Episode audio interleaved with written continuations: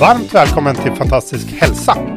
Mitt namn är Johan Erkle. Jag är kock och matentreprenör. Och mitt namn är Cecilia Fürst och jag är specialistläkare i Sverige samt i Integrative och Functional Medicine i USA. Och jag heter Nils Per Skåra. Jag är performance coach, kosthållsvägledare och idrottsutövare. Och med den här podcasten ska vi hjälpa och inspirera dig på vägen mot en fantastisk hälsa.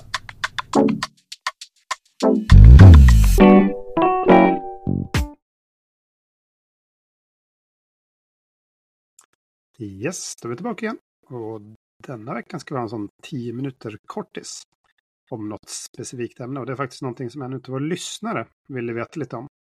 Och det var järnbrist och då specifikt ovanlig järnbrist. Så välkommen Cecilia. Tack Johan. Ja, det här blir intressant att höra lite om ovanlig järnbrist. Mm. Eh, ibland är det så att man när man letar efter grejer att man faktiskt inte vet eh, orsaker. Man har uteslutit det allvarliga och så kvarstår Eh, bekymret eller så återkommer det. Så man, man ger helt enkelt eh, järn över en period och sen så avslutar man det och så ser man att bekymren kommer tillbaka och så hittar man aldrig riktigt någon orsak till det. Eh, men man har uteslutit de allvarliga orsakerna eh, till järnbristen.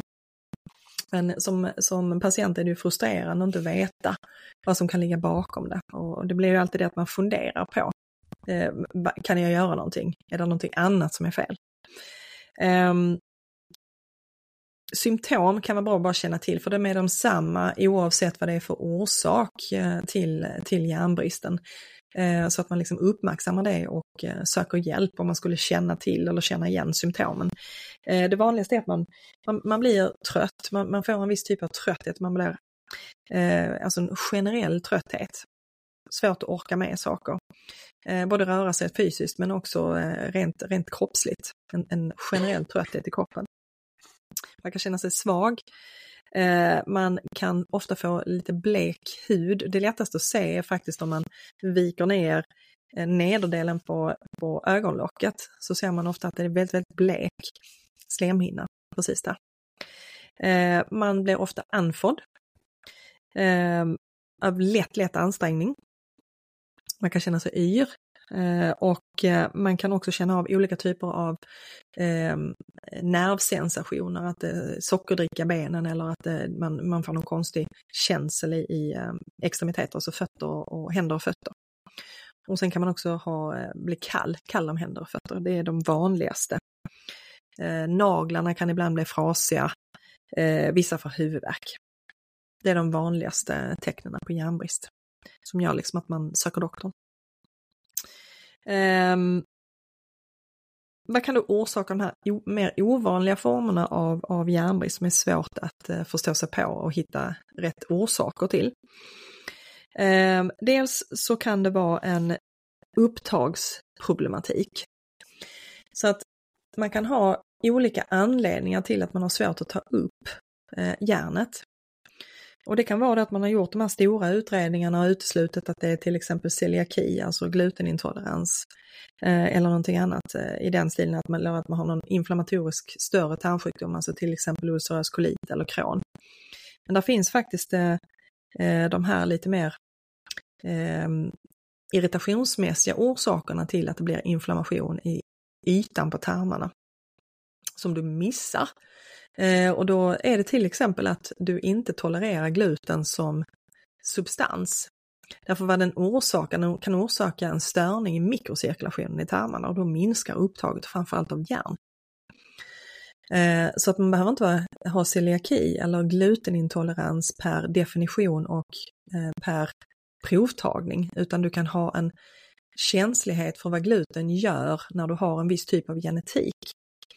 Eh, där glutenet helt enkelt irriterar eh, och fäster sig på vissa receptorer som har att göra med gener, som i sin tur är kopplade till eh, blödning, alltså tarmgenomblödning, alltså cirkulationen till tarmarna. Så äter den personen med en viss typ av genetik gluten så får man en sämre kärlförsörjning till ytan i tarmarna och då minskar näringsupptaget bland annat av järn. Eh, en annan orsak eh, som också har, är tarmgenererad, det är att man har något som heter mikroskopisk kolit. Ehm, eh, och det är också sånt här som kan eh, drabba eh, att man får helt enkelt en infiltration av en viss typ av celler i tarmytan som leder till en lätt kronisk inflammation som också kan vara svår att upptäcka och svår att, att ehm, definiera, alltså rent, rent provtagningsmässigt. Eh, som då kan ge en lätt, lätt låggradig inflammation och inflammationen som sådan gör att man får mer bekymmer med tillräckligt järnupptag. Eh, vad har vi mer för någonting som, som då kan eh, mer ovanliga orsaker och det här är inte sådär jätte, jättekänt av folk som inte håller på med genetik. Så är man inte, har man inte genetisk eh, eh, vad ska jag säga, skolning eller intresse så är det jätte, jättelätt att eh, missa eh, olika genetiska variationer som kan förekomma hos folk. Och det ser jag inte, det är inte ovanligt att jag ser det eh, hos där folk kommer liksom och sökt för eh, de här bekymren upprepade gånger. Och så tittar jag på genetiken och så är det framförallt i en eh, gen som heter TMRPSS6 som kan ha en mutation, en kombination av de här generna. Som då helt enkelt eh, leder till att eh, man får svårt att ta upp järn.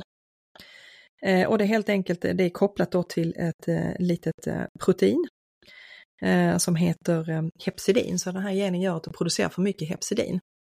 Och eh, det blockerar det eh, tarmkanalens möjlighet att absorbera järn. Det är faktiskt en ganska vanlig orsak. Men genetiska tester av den här sorten är kanske inte så himla lätt att komma över, för man gör inte det i vanlig sjukvård. Men det är en ganska vanlig förekommande orsak till järnbrist hos mig. När vi börjar titta på genetiken och många säger till mig, jag, jag ligger alltid lågt. De säger alltid till mig att käka järntabletter, men det hjälper ju inte. Jag tar de där järntabletterna men jag ligger fortfarande lågt. Eh, de har ofta den här eh, genen. När de då producerar för mycket hepsidin. Och den eh, kan man påverka. Ehm, bland annat genom att se till att ehm, använda C och A-vitamin när du äter mat. Och C-vitaminen kan du göra då till exempel som att du ehm, tar citron i ditt vatten Eh, till maten när du äter. Um, och så kan du se till att ha, kombinera någonting som innehåller A-vitamin till maten och det kan vara morötter, det kan vara sötpotatis. Uh, så någon födoämne som har då en kombination av rätt så mycket C-vitamin och A-vitamin. Då ökar nämligen um, upptaget för man blockerar den här hepsidinen så att den inte får samma genomslag och då kan man öka eh, uh, järnupptaget på ett naturligt sätt. Men uh, det kan vara svårt beroende lite på hur, hur eh, genetiken ser ut med den här genen som jag pratar om här. Eh, och de eh, behöver ofta med lite regelbundna intervaller infusioner med järn istället för att kompensera för den låga, låga upptagningsförmågan. det är en sån här ovanlig sak. men som jag ofta ser när jag gör gentester hos de som klagar på kronisk järnbrist men där man har uteslutit andra orsaker. Mm. Eh, så det är, det är en sån här, eh, ja, lite observandum eh, att hålla utkik efter. Eh, andra genetiska orsaker som kan bidra till, till eh, eh, järnbrist och onormal blödning, det är ju blödningssjukdomar. Och där kan man också ha lite snällare varianter av olika typer av genetiska blödningssjukdomar som gör att man kanske går oupptäckta.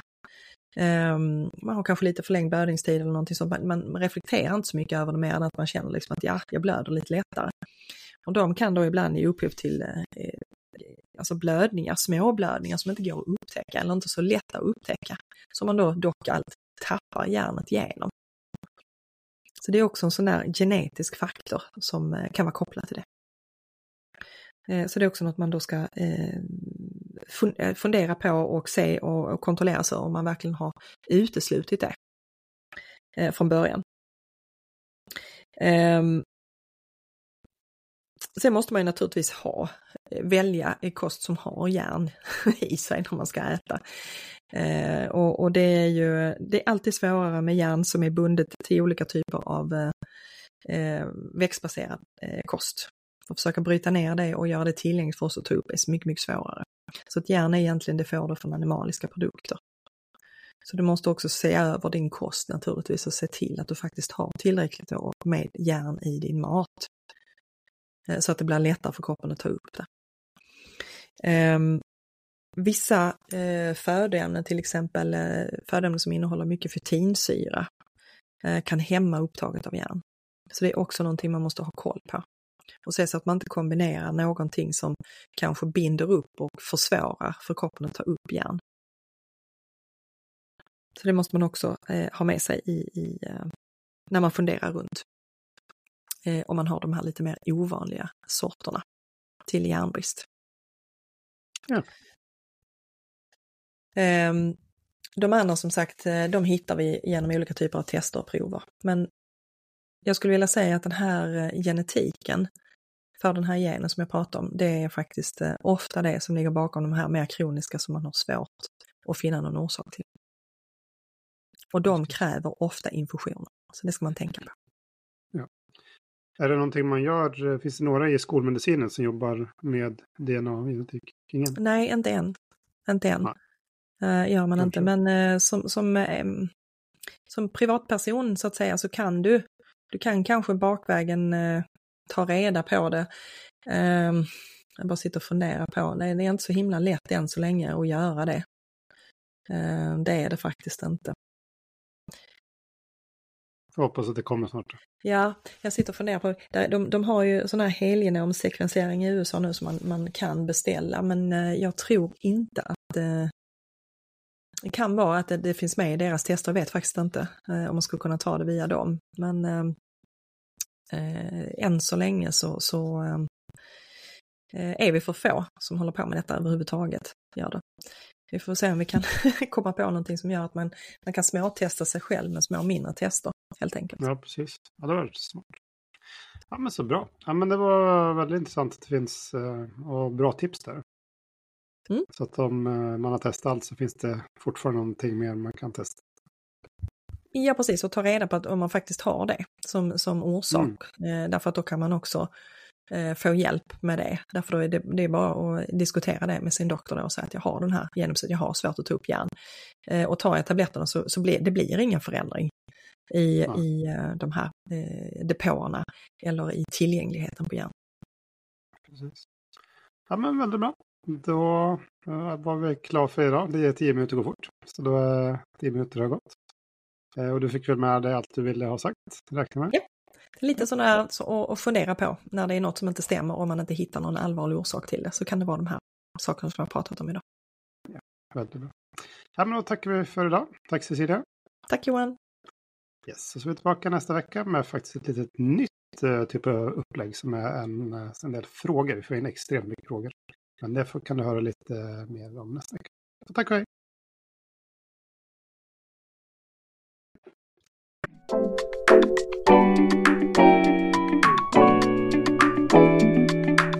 Tack för att du satt av tid att lyssna vad vi hade att säga. Om du själv har ett område du vill höra mer av kan du gå in och skriva ett meddelande till oss på, direkt på vår eh, Instagramkonto är lättast. Direktmeddelande där.